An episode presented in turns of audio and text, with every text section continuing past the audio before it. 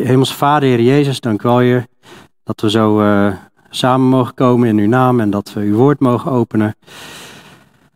Ja, Heer, uh, er zit zoveel in in dit stuk dat ik uh, zelf ook gewoon nog het aan laten bezinken ben en er ook al over moet spreken. En ja, het is een rijke brief, Johannes. Het is ook scherp, Heer, maar dat is wat we nodig hebben. Heer, wilt u ons leiden? Wilt u ons laten groeien? Zoals we net ook, zongen, Heer, dat ons denken ook vernieuwd mag worden. Heer, en uh, ja, wilt u krachtig werken door uw geest, Heer? Want uh, zonder u kunnen we niks en kan ik ook niks.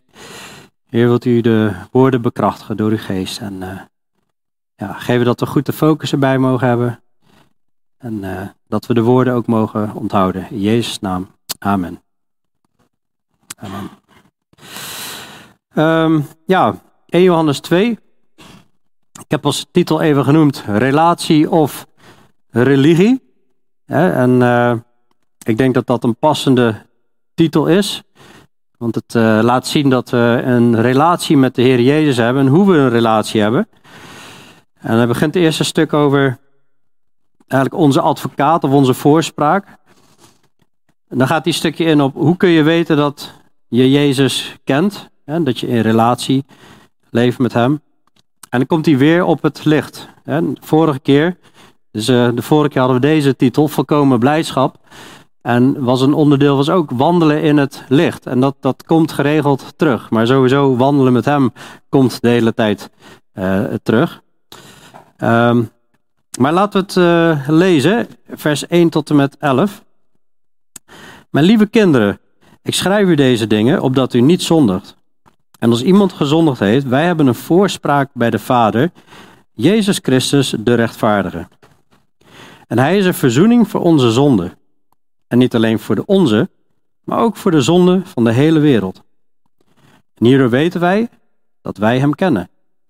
Namelijk als wij zijn geboden in acht nemen. Wie zegt, ik ken hem en zijn geboden niet in acht neemt, is een leugenaar en in hem is de waarheid niet. Maar ieder die zijn woord in acht neemt, in hem is werkelijk de liefde van God volmaakt geworden. Hierdoor weten wij dat wij in hem zijn. Wie zegt in hem te blijven, moet ook zelf zo wandelen als hij gewandeld heeft. Broeders, ik schrijf u geen nieuw gebod, maar een oud gebod, dat u vanaf het begin hebt gehad. Dit oude gebod is het woord dat u vanaf het begin hebt gehoord. Toch schrijf ik u een nieuw gebod, dat waar is in hem en in u. Want de duisternis gaat voorbij en het ware licht schijnt reeds. Wie zegt dat hij in het licht is en zijn broeder haat, die is tot nog toe in duisternis, in de duisternis. Wie zijn broeder lief heeft, blijft in het licht en er is in hem niets dat anderen doet struikelen.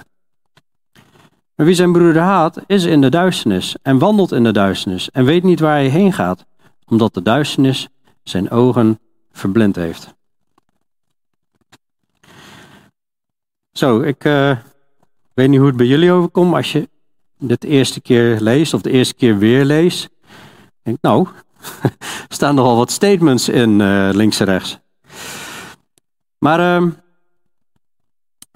ja, hij opent eigenlijk met Vind ik heel mooi. Hij heeft best wel scherpe boodschap door zijn brief heen, maar hij opent dit stukje wel weer met mijn lieve kinderen. En op het moment dat Johannes, die waarschijnlijk heel veel kinderen in het geloof heeft als apostel, heeft heel veel mensen mogen opvoeden in het geloof. Hij noemt ze mijn lieve kinderen. En, en dan zie je dus meteen al dat Johannes, die doet echt zijn best zo liefdevol mogelijk over te komen. Tegelijkertijd heeft hij een scherpe boodschap. Maar die scherpe boodschap is ook uit liefde. En de boodschap is afrekenen met zonde. Ja, want hij zegt, mijn lieve kinderen, ik schrijf u deze dingen opdat u niet zondigt. hij noemt ze lieve kinderen, maar ik schrijf opdat u niet zondigt.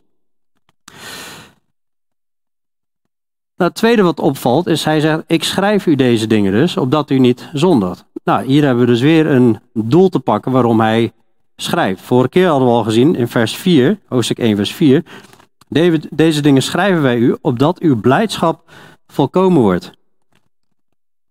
Nou, Bij de introductie heb ik al aangegeven dat hij op meerdere plekken noemt waarom hij schrijft. Nou, deze had ik nog niet genoemd in hoofdstuk 2, vers 1, maar het zijn er, nogal meer links en rechts. Ik schrijf u deze dingen opdat u niet zondigt. En dat laat meteen ook zien hoe belangrijk de schrift is. Want op het moment dat ja, Johannes deze brief schreef, was hij een, brief aan het schrijven, maar we weten dat heel de schrift door God is ingegeven. Is uiteindelijk het woord van God geworden. En het woord van God is gegeven opdat u niet zondigt. En dat zie je ook terug in deel van die teksten, zoals de veel aangehaalde 2 Timotheüs 3 vers 16 en 17. knip hem even in, maar heel de schrift is door God ingegeven, opdat de mens die God toebehoort volmaakt zou zijn. Dat betekent dat je niet meer zondigt, tot elk goed werk volkomen toegerust. Maar ook Psalm 119 vers 11, in de, ja, wij hanteren vaak, of eigenlijk alleen maar de HSV. En uh, daar staat in Psalm 119 vers 11, ik heb uw belofte in mijn hart opgeborgen, opdat ik tegen u niet zondig. Maar ik leerde hem vroeger zo uit mijn hoofd in de, in de NBG. Ik sta niet helemaal achter de NBG, maar zo heb ik hem nou eenmaal ooit geleerd gekregen. En dat stond mooi voor het, ik berg uw woord in mijn hart, opdat ik tegen u niet zondig. Of ik, ik heb uw woorden in mijn hart opgeborgen, zodat ik tegen u niet zondig.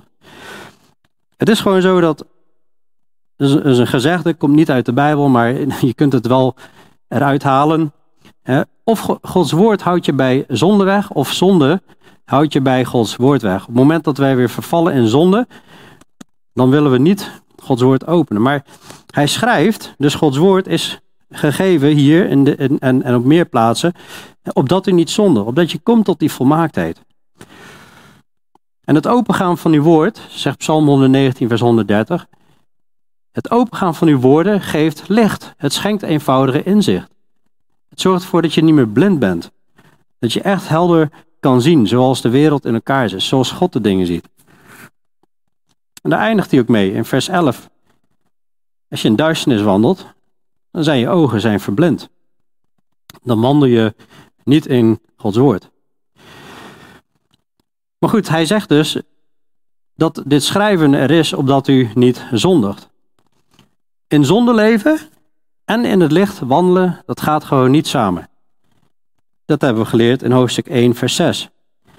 Als wij zeggen dat wij gemeenschap met hem hebben en wij toch in duisternis wandelen, liegen wij en doen de waarheid niet. Er klopt niks van. Dan zijn we hypocriet. Dat gaat niet samen. De houding van een, een gelovige, iemand die opnieuw geboren is, naar zonde, hoort te zijn, u die de Heere liefhebt, haat het kwade. We horen dat te haten. Psalm 5 vers 5 zegt, u bent geen God die vreugde vindt in goddeloosheid. En de kwaaddoener zal bij u niet verblijven. Spreuken 8 vers 13 zegt, de vrezen des Heren, het is het kwade te haten. Hoogmoed, trots en, verkeerde, en de verkeerde weg en een mond vol verderfelijke dingen haat ik. In Spreuken 6 zie je ook allemaal dingen die, die God haat. Maar als wij God echt vrezen, dan dat is ook het kwade te haten, zeg maar. En sowieso houden heel veel mensen niet van heel veel onrecht in de wereld. Alleen we moeten ook kijken naar ons eigen onrecht, dat we dat uitbannen. Dus het doel is niet zonderen. Genade en vergeving van zonde is bedoeld om niet meer te zonderen natuurlijk. En dus niet meer te doen en laten wat je maar wilt. Als je zegt Jezus is Heer, Jezus is jouw Heer, Hij is heilig, Hij is liefde. En wij zijn zijn dienaren. Dus wandel heilig en wandel liefdevol. En we zijn wel tot vrijheid geroepen. We zijn gered uit de duisternis om in vrijheid te wandelen. We zijn bevrijd van de zonde. We zijn vergeven. Alleen die vrijheid moet er niet zijn om aanleiding te geven aan het vlees. Maar dien elkaar door de liefde. Dat is het doel van de bevrijding. Want in de hemel, daar is ook alleen maar liefde. Daar gaan we ook niet nog de zonde of het vlees dienen. Dus wij moeten al zo gaan wandelen. Maar helaas, blijkt uit de praktijk dat we falen. Anders had Johannes ook niet hoeven schrijven in hoofdstuk 1 vers 9. Als wij onze zonde beleiden, hij is getrouw en rechtvaardig om onze zonde te vergeven en ons te reinigen van alle ongerechtigheid. dus uit de praktijk blijkt dat we falen. En ja, als iemand gezondigd heeft, wat, wat dus niet de bedoeling is om in zonde te wandelen, wat moeten we dan doen? Allereerst zonde beleiden, zegt hij in 1 vers 9. En hier is het heel mooi in hoofdstuk 2 vers 1, dat en als iemand gezondigd heeft, hè, dus hij zegt eerst ik schrijf dit opdat u niet zondigt, maar hij gaat er wel vanuit dat het nog steeds wel gaat gebeuren. Dus als iemand gezondigd heeft, en dan baal je als het goed is als een stekker, dan voel je ellendig en bah, nee, waarom weer? En dan heb je dan berouw over. En als iemand gezondigd heeft, dan hebben wij een voorspraak bij de Vader. En een voorspraak, ja, ik, ik gebruik het woord niet zo, maar heel veel Engelse vertalingen vertalen het als we have an advocate. We hebben een voorspraak of een advocaat bij de Vader, namelijk Jezus Christus de rechtvaardige. En hij is de rechtvaardige. Hij heeft hier op aarde gewandeld als een mens, 100% rechtvaardig. Hij heeft ook allemaal problemen en verleidingen meegemaakt, maar heeft ze allemaal weerstaan. Dus hij weet ook hoe hij voorspraak moet doen als een advocaat bij de Vader. Maar goed, als je een, een advocaat hebt en een, en, een, en een rechter, dan heb je normaal heb je ook een aanklager. En dat is, dat is hoe dat vaak samenwerkt. En dat zie je ook eigenlijk in Zacharia 3 vers 1, dat is een heel mooi voorbeeld. Daar staat, daarna liet hij mij de hoge priester Jozua zien. Dat is niet Jozua die het land in ging nemen uit het boek Jozua, maar een andere Jozua, een hoge priester. Die voor het aangezicht van de engel van de Heer stond. Terwijl de Satan aan zijn rechterhand stond om hem aan te klagen. Blijkbaar was er iets gebeurd of had hij iets om hem aan te klagen? En de Heer zei echter tegen de Satan: De Heere zal u bestraffen, Satan. De Heere die Jeruzalem verkiest, zal u bestraffen. Is deze Jozua niet een stuk brandhout dat aan het vuur ontrukt is? Nu was Jozua in vuile kleren gekleed, terwijl hij voor het aangezicht van de engel stond. Toen nam hij het woord en zei tegen hen die voor zijn aangezicht stonden: Trek hem de vuile kleren uit. En daarop zei hij tegen hem: Zie, ik heb uw ongerechtigheid van u weggenomen en zal uw feestkleren aantrekken. En we lezen ook in Openbaring 12 dat Satan is de aanklager van de broeders. Hij klaagt hier aan. Ja, en alsof de, hè, de dan daar, daar staat en eigenlijk pleit voor hem en zegt eigenlijk van, hé, hey, maar deze Jozua, is dat niet een stuk brandhout dat aan het vuur ontrukt is? En zo geloof ik dat Jezus voor ons ook voorspraak doet. We worden aangeklaagd, we hebben misschien gezondigd, dat de tegenstander daar dan staat van, kijk eens wat hij gedaan heeft. Is hij niet het oordeel waard? En dat de Heer Jezus over ons zegt, oh wacht eens even, dat is er één, dat is een stuk brandhout, die is aan het vuur ontrukt.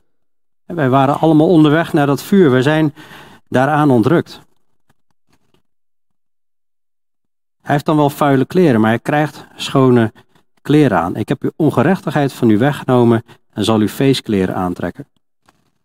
je ziet later ook in Openbaring 19 eh, bij de bruiloft van het lam dat de, de witte kleren, zeg maar, dat zijn de gerechtigheden van de heiligen eigenlijk. Dus we moeten onze kleding ook wel schoon houden. Maar toch zien we dus de genade bij God en, en de voorspraak, onze advocaat die voor ons pleit. En dat is echt alleen maar genade. Wij verdienen het niet. Wij, wij, elke keer als we zondigen, verdienen we helemaal niet dat we vergeven worden of dat we genade krijgen. Ja, maar dat is de barmhartigheid van God, dat is het karakter van God.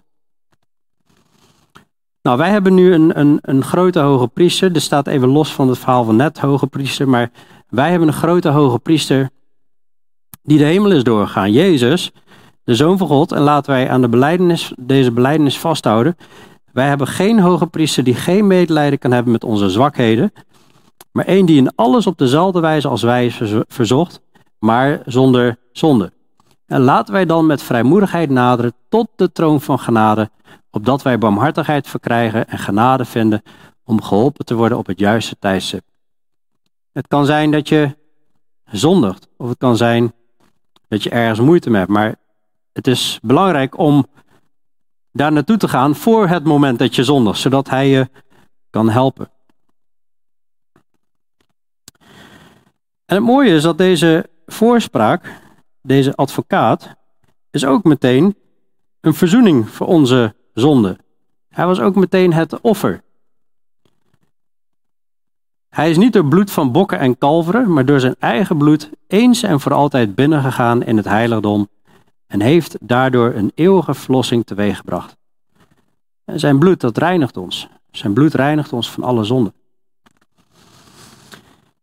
Nou is hoofdstuk 2 vers 2 is ook een, een, zo'n, zo'n typisch vers waar dwaalleraren mee aan de haal gaan om de alverzoening te promoten. Alverzoening betekent God stierf voor alle zonden van de hele wereld en ongeacht wat je ook doet, jij wordt gered of misschien moet je wel even door een oordeel, maar een keer word je daarvan bevrijd. Daar zijn varianten van.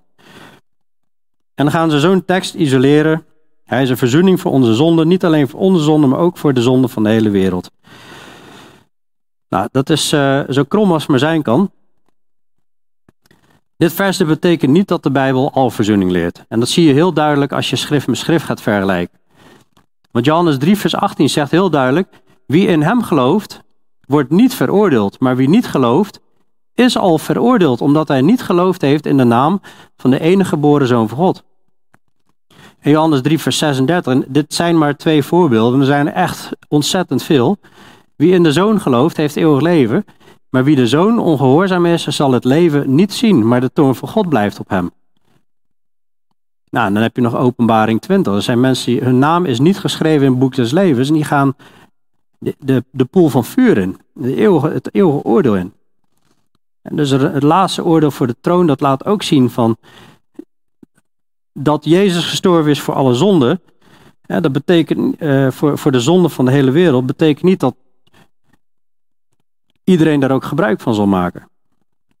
Het offer van Jezus is in staat alle zonden van de wereld weg te wissen. Maar de vraag is alleen wie wil er gebruik van maken.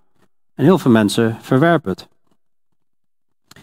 Maar het is wel geweldig om te zien dat het offer van Jezus, zo heilig was hij, in staat is om alle zonden van de hele wereld weg te wassen. Dus denk niet dat jouw zonde te groot is of jouw zonden te groot zijn. En dan gaat hij verder in vers 3. Dus aan de ene kant is Jezus de advocaat. Hij is ook de verzoening. Maar gelukkig is hij, hij is nog veel meer dan dat. En ik heb bij punt 2 gezet hoe, hoe je kunt weten dat je Jezus kent. Hij begint met, hierdoor weten wij dat wij Hem kennen, namelijk als wij Zijn geboden in acht nemen. Nou, hoe, uh, hoe weten we dat we Hem kennen? Nou, heel duidelijk, als we Zijn geboden in acht nemen. Goed, dat behoeft nog wel wat toelichting. Hem kennen betekent dus ook gewoon in, in relatie zijn met Hem. Ja, als je iemand kent op een manier van iemand beter kent, dan ben je in relatie met iemand.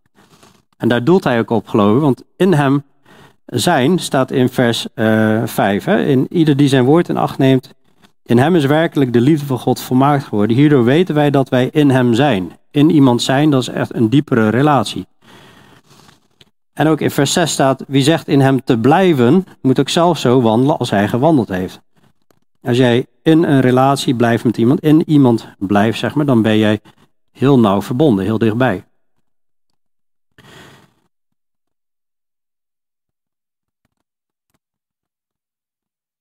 Maar er is wel een verschil tussen uh, ja, kennen en kennen, heb ik er even bij gezet. Ik uh, heb hier een uh, plaatje van Willem-Alexander. Hij is een beetje klein uitgevallen, zie ik. Maar ja, ik kan iemand het plaatje laten zien en zeggen van, nou, ken je deze man? Ja, ik heb er nou al verraden wie het is, maar ken je deze man? En dan kan iemand zeggen, ja, ja die ken ik wel. Ja, dat is Willem-Alexander.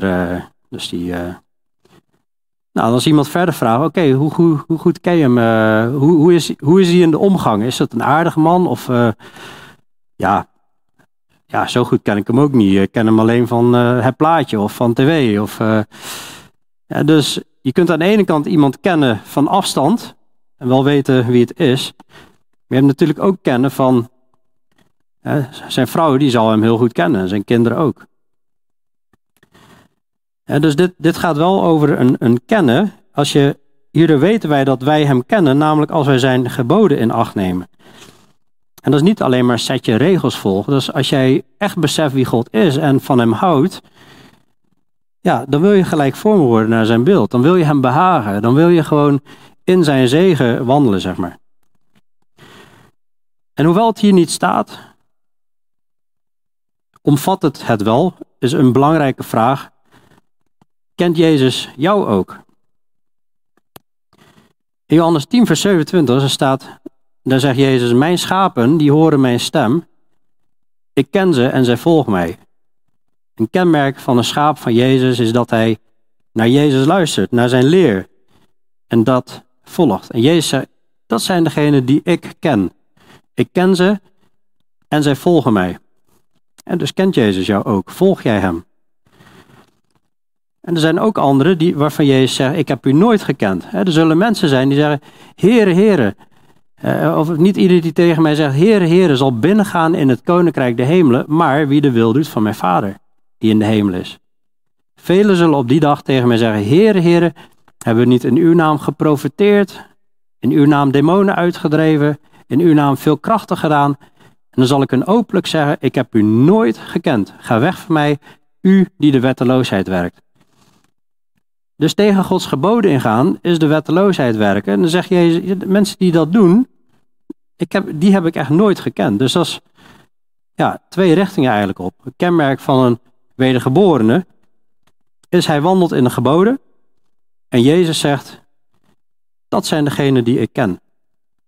En als je dan verder leest, dan kom je in 1 Johannes 3 vers 23 een hele mooie toelichting tegen, of uitleg. Daarin zegt hij, dit is zijn gebod, dat wij geloven in de naam van zijn zoon Jezus Christus. Daar begint het mee, geloven in de naam van zijn zoon Jezus Christus. Maar ook dat wij elkaar lief hebben, zoals hij onze gebod gegeven heeft. En we weten natuurlijk uit andere gedeeltes dat het geloven in Jezus, dat geeft redding. Maar direct daaraan gekoppeld is dat we elkaar lief hebben, zoals hij ons een gebod gegeven heeft. En wie zijn geboden in acht neemt, blijft in hem en hij in hem. Hieraan weten wij dat hij in ons blijft, namelijk aan de geest die hij ons gegeven heeft. Nou, ook in Johannes 14, vers 21 zie je dat het echt relationeel is. Wie mij geboden heeft en die in acht neemt, die is het die mij lief heeft. Van die persoon weet ik, hé, hey, die houdt van mij, die doet precies wat ik zeg. En dan vervolgens krijg je weer zijn zegen, zeg maar, en zijn blijdschap in je.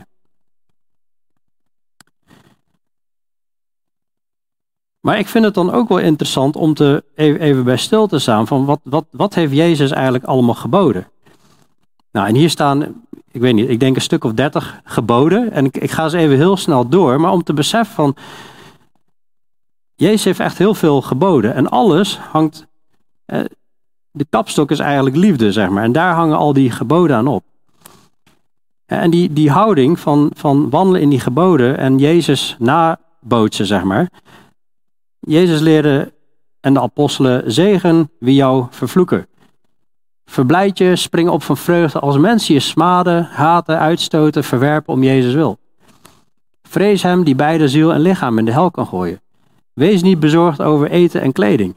Zoek eerst Gods koninkrijk. Laat uw ja ja zijn en nee nee.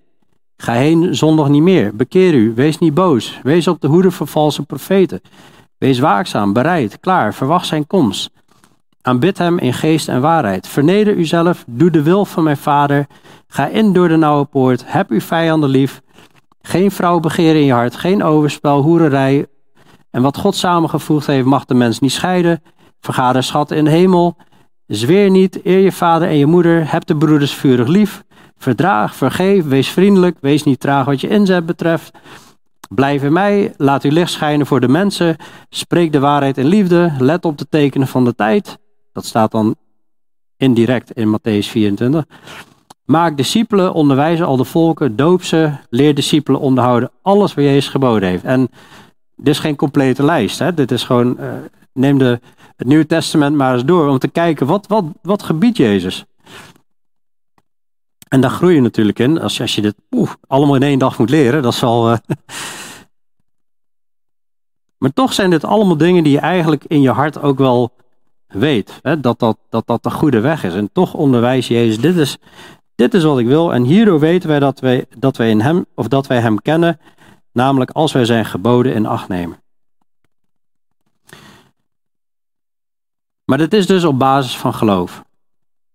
En op het moment dat we geloven, we zijn gered uit genade door het geloof, niet uit werken, Efeze 2 vers 8, zodat niemand kan roemen. Maar er staat volgens van, wij zijn zijn maaksel en we zijn geschapen in Christus Jezus om goede werken te doen, die God van tevoren bereid heeft, opdat wij daarin zouden wandelen. Als wij geschapen zijn in Christus Jezus, wat voor kenmerken had Christus Jezus en in hem zijn wij geschapen, Jezus had die kenmerken van wat, wat we net lieten zien. En dus als wij in Hem geschapen zijn, dan gaan wij ook die kenmerken vertonen. En dat zijn werken die God bereid heeft, zodat wij daarin zouden wandelen. En dat kunnen voor jouw leven natuurlijk ook nog specifieke wegen zijn. Op ergens een specifieke baan of een specifiek, met, met een specifiek persoon hem onderwijzen dus wat zijn kenmerken van Christus? In ieder geval, aan, aan de vrucht herken je heel duidelijk de boom. En de linker, dat is een doornstruik, daar komen geen druiven aan. En de rechter is een wijnstok en daar komen druiven aan. Dat heeft Jezus aan de vrucht herken je de boom. Dus dat is waar het hier om gaat. Hierdoor weten wij dat wij hem kennen, namelijk als wij zijn geboden in acht nemen. Dit is gewoon een, een check. Het is gewoon, hey, zie ik die vrucht in mijn leven? Hieraan kan ik weten dat ik hem ken.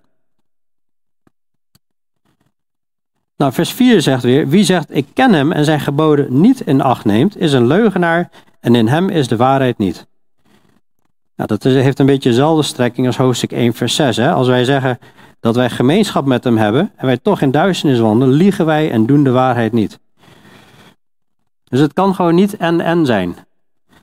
Dus wie zegt ik ken hem en zijn geboden niet in acht neemt, keiharde taal. Die is een leugenaar. In hem is de waarheid niet. En dan ben je niet uit de waarheid geboren. Dan ben je niet opnieuw geboren. En dan zie je heel sterk terug bij een, bij een, een koning Saul. Die doet af en toe wel geloven. En die doet af en toe wel half God volgen. Maar Samuel die, die is gewoon heel hard in zijn oordeel. Hij zegt op een gegeven moment, hij moest de Amalekieten verslaan, helemaal, niks meenemen. En hij neemt al het vee mee. En dan zegt hij tegen Samuel, ik heb de wil van de Heer gedaan. Ja, die kan ik dan offeren, die dieren. Nee, Samuel zegt, je hebt, gewoon helemaal niet Gods woord gedaan. Hij zegt, opstandigheid is een zonde van waarzeggerij en tegenstreven is afgoderij en dus beeldendienst. En dus niet erkennen, niet wandelen in de geboden van God, is gewoon niet erkennen dat, dat, dat hij God is, hij gelijk heeft. Nee, je zegt eigenlijk, ik, mijn wil is ook goed. En omdat u het woord van de Heer verworpen hebt, heeft hij u verworpen, zodat u geen koning meer zult zijn. En ik vind daar in Titus 1 vers 16 ook heel, heel sprekend. Daarin zegt uh, Paulus dat er mensen zijn en die beleiden dat ze God kennen, maar zij verlogenen hem met hun werken, aangezien zij verfoeilijk zijn en ongehoorzaam en tot elk goed werk ongeschikt. Dus Paulus zegt gewoon van mensen die God beleiden, en totaal iets anders laten zien in hun werken, die verlogenen hem met hun werken. Dus je kunt God met woorden of met werken verlogenen. En in Johannes 4, vers 6 geeft Johannes ook nog aan. Wij zijn uit God en wie God kent, luistert naar ons, ons, de apostelen. Wie niet uit God is, luistert niet naar ons. Hieraan herkennen wij de geest van de waarheid en de geest van de dwaling. Mensen die niet luisteren naar Gods woord, dat is de geest van de dwaling. Mensen die wel luisteren naar Gods woord, hebben de geest van de waarheid. En dus aan de vrucht herken je de boom. Hoe, welke vrucht herken je in je leven? Hoe kun je weten dat je hem kent als jij wandelt in zijn weg?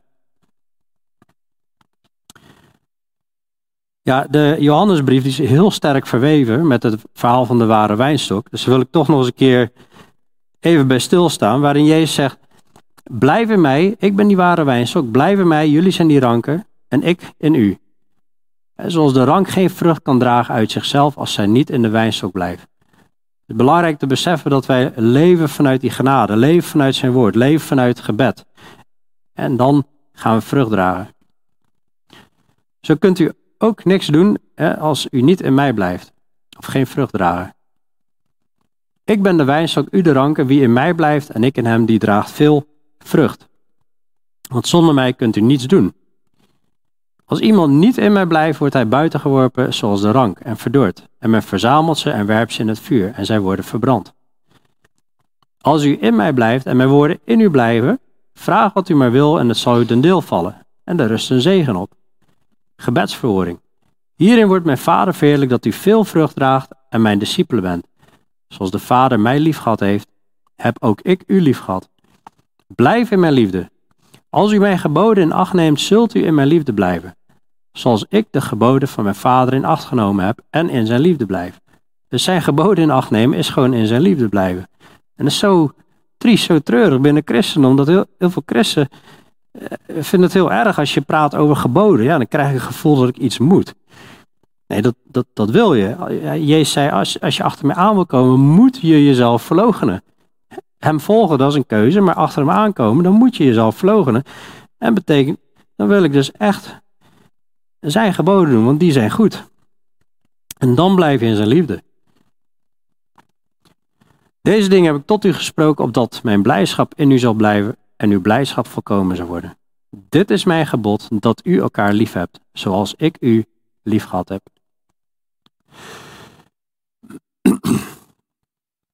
Nou, in vers 5 zegt hij, maar ieder die zijn woord in acht neemt, in hem is werkelijk de liefde van God volmaakt geworden. Hierdoor weten wij dat wij in hem zijn. Nou, als jij dus volkomen Gods woord opzuigt, en zijn woord in acht nemen, ja, dan zul je hem wel eerst moeten lezen. Dan zul je wel eerst zijn woord moeten kennen. Daarom openen we altijd het woord van God hier. Want als je Gods woord niet kent, ja, hoe moeten we het dan in acht nemen? Daarom is zijn woord zo belangrijk, om dat te openen. Om dat te bestuderen, keer op keer. Ja, ik, heb al, ik heb al vaker door de eerste Johannesbrief gepreekt. En eh, ja, ik ga dan niet zeggen van, uh, ja, nou ken ik het wel. Nee, dat hebben we keer op keer nodig. Het is gewoon een refresh. En als ik de Bijbel uitgelezen heb, dan begin ik weer opnieuw, want ik heb het weer opnieuw nodig, zeg maar. Uh, ieder die zijn woord in acht neemt, in hem is werkelijk de liefde van God vermaakt worden. Dus wanneer zijn woord volledig tot bloei komt in jou, is werkelijk de liefde van God in jou vermaakt worden. En hierdoor weet je dat je in hem bent. Ik heb ook maar even een vraag bijgesteld. Waar denk je snel aan bij, uh, bij iemand bij wie werkelijk de liefde van God volmaakt is geworden? Als de liefde van God volmaakt is in niemand. Wat verwacht je dan te zien bij die persoon? In eerste instantie natuurlijk een heel liefdevol persoon naar anderen. Hè? Dat hij vriendelijk is, dat hij verdraagzaam is. Maar als je Gods woord bestudeert, is dat ook iemand die Gods woord kent. Dat is ook Gods woord kennen en het recht snijden. Maar als je Gods woord gaat bestuderen, betekent dat ook vermanen. Of valse leer uitbannen. En als er geen bekering is, gemeente terug. Dan ook, ook dat is liefde. Ook dat is hè, dat werkelijk de liefde van God volmaakt is geworden. Want dat zijn dingen die God vraagt. En in vers 6 zegt hij: Wie zegt in hem te blijven, moet ook zelf zo wandelen als hij gewandeld heeft. En wat me dan eigenlijk ook meteen opvalt, is dat heel veel mensen tegenwoordig, vooral die de charismatische leer volgen, die zeggen: Ja, we moeten, we moeten zijn zoals Jezus, we moeten wandelen zijn wegen. En dan eigenlijk doorlopend alle wonderen en tekenen willen nadoen en daarop willen richten. Maar het valt mij op dat als wij hier de eerste Johannesbrief bestuderen, en hij zegt, wie zegt in hem te blijven, moet ik zelfs zo wandelen als hij gewandeld heeft. En je leest de context, gaat het steeds over heiliging, in zijn geboden wandelen. En dan zie je niet en dat we daarop moeten Hij zegt helemaal niet dat we daarop moeten gaan richten, op wonderen en tekenen. En, dat, en als God dat geeft, is dat prachtig. Maar de focus is in liefde wandelen. Dat zie je ook in 1 Korinthe 13. En daar zie je dus, ja, je kunt profiteren. Of je kunt andere uh, gaven hebben, het, talen, dat soort dingen. Maar wat blijft uiteindelijk? Geloof, hoop en liefde. En meest van deze, dat is de liefde. Dat is waar het echt om draait. En alle wonderen die Jezus deed, was alleen maar om zijn boodschap te versterken. En van de apostelen en de, en de zeven die zij de handen oplegden. Dus wie zegt in hem te blijven, moet ook zelf zo wandelen als hij gewandeld heeft. En daarbij moest ik ook denken aan 1 Johannes 2, vers 28, waarbij hij zegt: Nu, lieve kinderen, blijf in hem, opdat wij vrijmoedigheid hebben wanneer hij geopenbaard zal worden en niet door hem beschaamd gemaakt worden bij zijn komst. Hij wil dat we zelf zo wandelen als hij gewandeld heeft, zodat wanneer Jezus terugkomt, dat we ook gewoon ja, ons niet kapot hoeven te schamen. En in 1 Johannes 3, vers 18 zegt: Mijn lieve kinderen, laten wij niet lief hebben met het woord of met de tong, maar met de daad en in waarheid. Ik heb ooit een stel mogen trouwen en die had deze tekst als een trouwtekst. Nou, dat vind ik een hele mooie tekst om het huwelijk mee in te stappen. En laten wij niet lief hebben met het woord of met de tong, maar met de daad en in waarheid. Ja, en dat, dat is ook gewoon waar wij voor staan bij Huis van God. Hè? Aanbidden in geest en in waarheid. En God liefhebben, mensen liefhebben. En ja, dat doe je eigenlijk door de, door de Bijbel te gaan, het te bestuderen en toe te passen in je leven. Dat heel praktisch maken. En niet zelf verhaaltjes bedenken en vers bijplukken, maar nee, Gods woord centraal, dat uitleggen. Dan gaan we zijn wil begrijpen, zoals hier staat.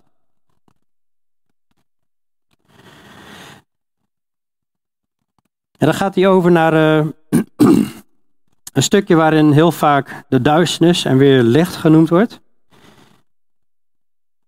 Ik heb die kop even genoemd het ware licht. En hij begint dan met: Broeders, ik schrijf u geen nieuw gebod, maar een oud gebod, dat u vanaf het begin hebt gehad. Dit oude gebod is het woord dat u vanaf het begin hebt gehoord. Toch schrijf ik u een nieuw gebod. Schrijft hij nou wel of niet een nieuw gebod? nou, hij zegt: uh, Ik schrijf er geen nieuw gebod, hè, maar een, een oud gebod. Iets wat er eigenlijk altijd al was.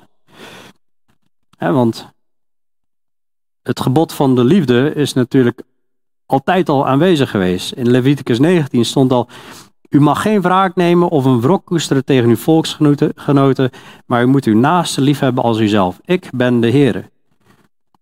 En in Deuteronomium 6 daar staat: U zult de Heer uw God liefhebben met heel uw hart, met heel uw ziel en met heel uw kracht. dus hij schrijft eigenlijk gewoon een oud gebod. Dat u vanaf het begin hebt gehad. Dit oude gebod is het woord dat u vanaf het begin gehoord hebt. Toch schrijf ik u een nieuw gebod. En ik denk dat. Um, ja, het is natuurlijk lastig dat hij eerst zei: ik schrijf geen nieuw gebod en nu wel een nieuw gebod.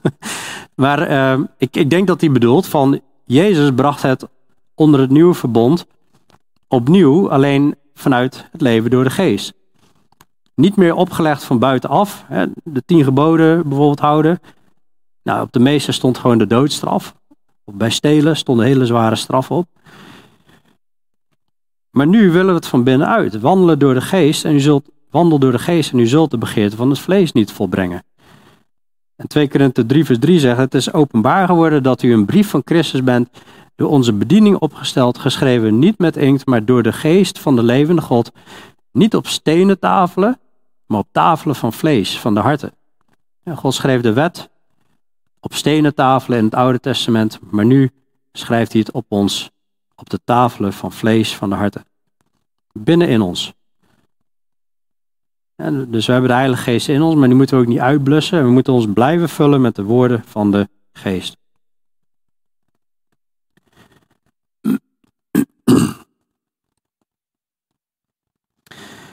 Toch schrijf ik u een nieuw gebod, zegt hij in vers 8, dat waar is in hem en in u.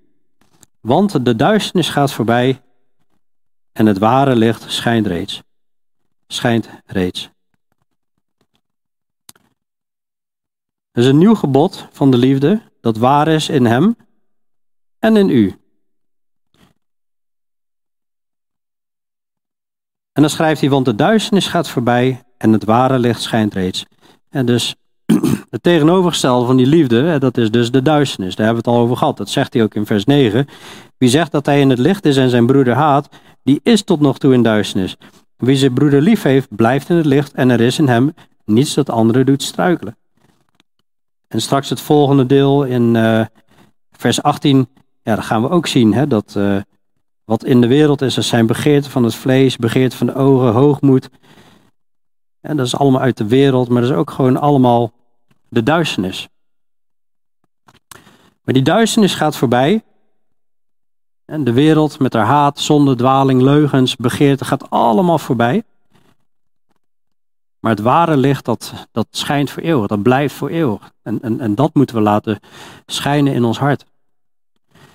Ik vind het ook wel opvallend dat hij het heeft over het ware licht. Dat wekt eigenlijk de suggestie dat er ook een schijnlicht is, of dat er kunstlicht is. We moeten ook geen schijn van godsvrucht hebben, zegt 2 Timotheus 3, vers 1 tot 5. Of er zullen mensen zijn die dat hebben. Dat zie je ook bij Jezus is de ware wijnstok. Dat suggereert ook dat er een andere wijnstok is. Deuteronomium 32 spreekt ook over de wijnstok van Sodom. Op openbaring 14 spreekt over de oogst van de wijnstok van de goddelozen. Die getreden worden in de wijnpersbak van de toorn van God. Maar het ware licht, Jezus is de weg, hij is de waarheid en het leven. Hij is de ware wijnstok, het ware licht, dat schijnt reeds. Het is de bedoeling dat dat in ons en door ons schijnt. En al het andere, zoals we volgende keer ook zullen zien, dat gaat voorbij. Maar wie de wil van God doet, die leeft voor eeuwig. Vers 9, we hebben vorige keer ook al genoemd, is heel duidelijk. Licht is liefde, haat is duisternis. Of alle, alle, alle wereldse zonde is gewoon duisternis. En dat is gewoon niet de liefde. Dus in Christus ben je licht, ben je in de ware wijnstok. Dus een hatelijke houding of vijandig gedrag of laster of verbittering, dat kan gewoon echt niet onder christenen. Dat getuigt van een schijn van godsvrucht en dat is gewoon duisternis. De werken van het vlees, hè, die worden ook genoemd in Galaten 5 vers 20. En als je kijkt naar de relationele werken, vijandschappen, ruzie, afgunst, woedeuitbarstingen, egoïsme, oneenigheid, afwijking in de leer en dergelijke. Wie dit doet, zal het koninkrijk van God niet beërven. En dat is duisternis en wie in duisternis leeft, gaat verloren. En maar als wij God echt geloven, dan willen we zijn wil doen. Dus ja, het is redelijk duidelijke taal. Uh, hij is letterlijk zwart-wit. Licht of duisternis. Geen tussenweg, geen grijs gebied. Liefde is in het licht blijven. En dat is ook geen struikelblok zijn, zegt vers 10. Wie zijn broer lief heeft, blijft in het licht. En er is in hem niets dat anderen doet struikelen. En dan trek je mensen naar het licht en dan ben je geen struikelblok voor ze en met verkeerd gedrag. Dus haat of bitterheid of wat dan ook, iemand niet willen vergeven, is duisternis, is wandelen in duisternis. En dan zegt hij ook nog eens, als klap op de vuurpijl, wie zijn broeder haat, is in duisternis en wandelt in de duisternis. Niet alleen hij is erin, maar hij wandelt er ook nog in. Een beetje raar, wandelen in duisternis. Want dan loop je ja, overal tegenaan, vol met je hoofd tegen de muur, van ongeluk naar ongeluk. En hij weet niet waar hij heen gaat, omdat de duisternis zijn ogen verblind heeft. Eigenlijk weet hij gewoon niet waar hij mee bezig is. Als jij God niet kent, als jij niet in het licht wandelt, weet je eigenlijk gewoon niet waar je mee bezig bent. Je denkt het wel te weten. Ze roepen heel hard, we moeten doelen stellen, doelen stellen in het leven. Maar je weet gewoon eigenlijk niet waar je mee bezig bent. Want de duisternis heeft je ogen verblind. En hier wil ik mee eindigen. Het is 2 Petrus 1 vers 5. Daarin zegt hij, hij wordt hier vaker voorgelezen, maar ja, het is gewoon, staat als een huis, hartstikke waar.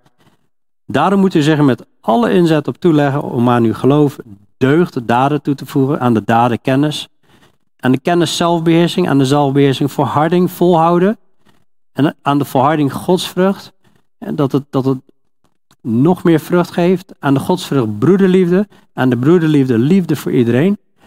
Als deze dingen bij u aanwezig zijn en toenemen, aanwezig zijn en toenemen, groeiproces, zullen ze u niet doelloos en onvruchtbaar laten wat de kennis van onze Heer Jezus Christus betreft. Immers bij wie deze dingen niet aanwezig zijn, zegt hij hetzelfde, die is blind en kortzichtig. Het is blind is gewoon niet zien en kortzichtig is alleen maar het hier en nu zien, zeg maar. Niet vooruitkijken, niet een lange blik hebben tot in de eeuwigheid, maar een korte blik hebben. Mensen van het ogenblik. omdat hij de reiniging van zijn vroegere zonde vergeten is. Dus als er geen groei te zien is in je leven, ja, dan zegt God gewoon, dan ben je blind. Dan ben je kortzichtig. Dan wandel je in duisternis. Ben je in duisternis. De duisternis heeft de ogen Daarom is het openen van zijn woord, continu, is zo belangrijk. Dus prijs de Heer dat we mogen weten dat we niet alleen maar een religie volgen, maar een levende God, die, geen dode God, die een relatie met ons wil. En die voor ons pleit als advocaat. En als je in zijn weg wandelt, ben je nauw verbonden met hem, nauw in relatie. En dan wandel je in het ware licht. Niet in het schijnlicht, niet in de schijn van Godsvrucht, maar in de waarheid. En dat verlicht je ogen, dat verlicht je verstand. En dan begrijp je en zie je het leven en begrijp je ook hoe je met anderen om moet gaan. En dat is niet altijd makkelijk. Daarom staan er ook zoveel oproepen, maar... Nou goed, en dat wordt... Hoe verder we gaan, wordt het steeds praktischer ook. Dus ik wil in ieder geval ook uh, ja, hiervoor bidden dat God dat ook in ons uh, leven mag bewerken. En dan uh, kunnen we het er nog over hebben.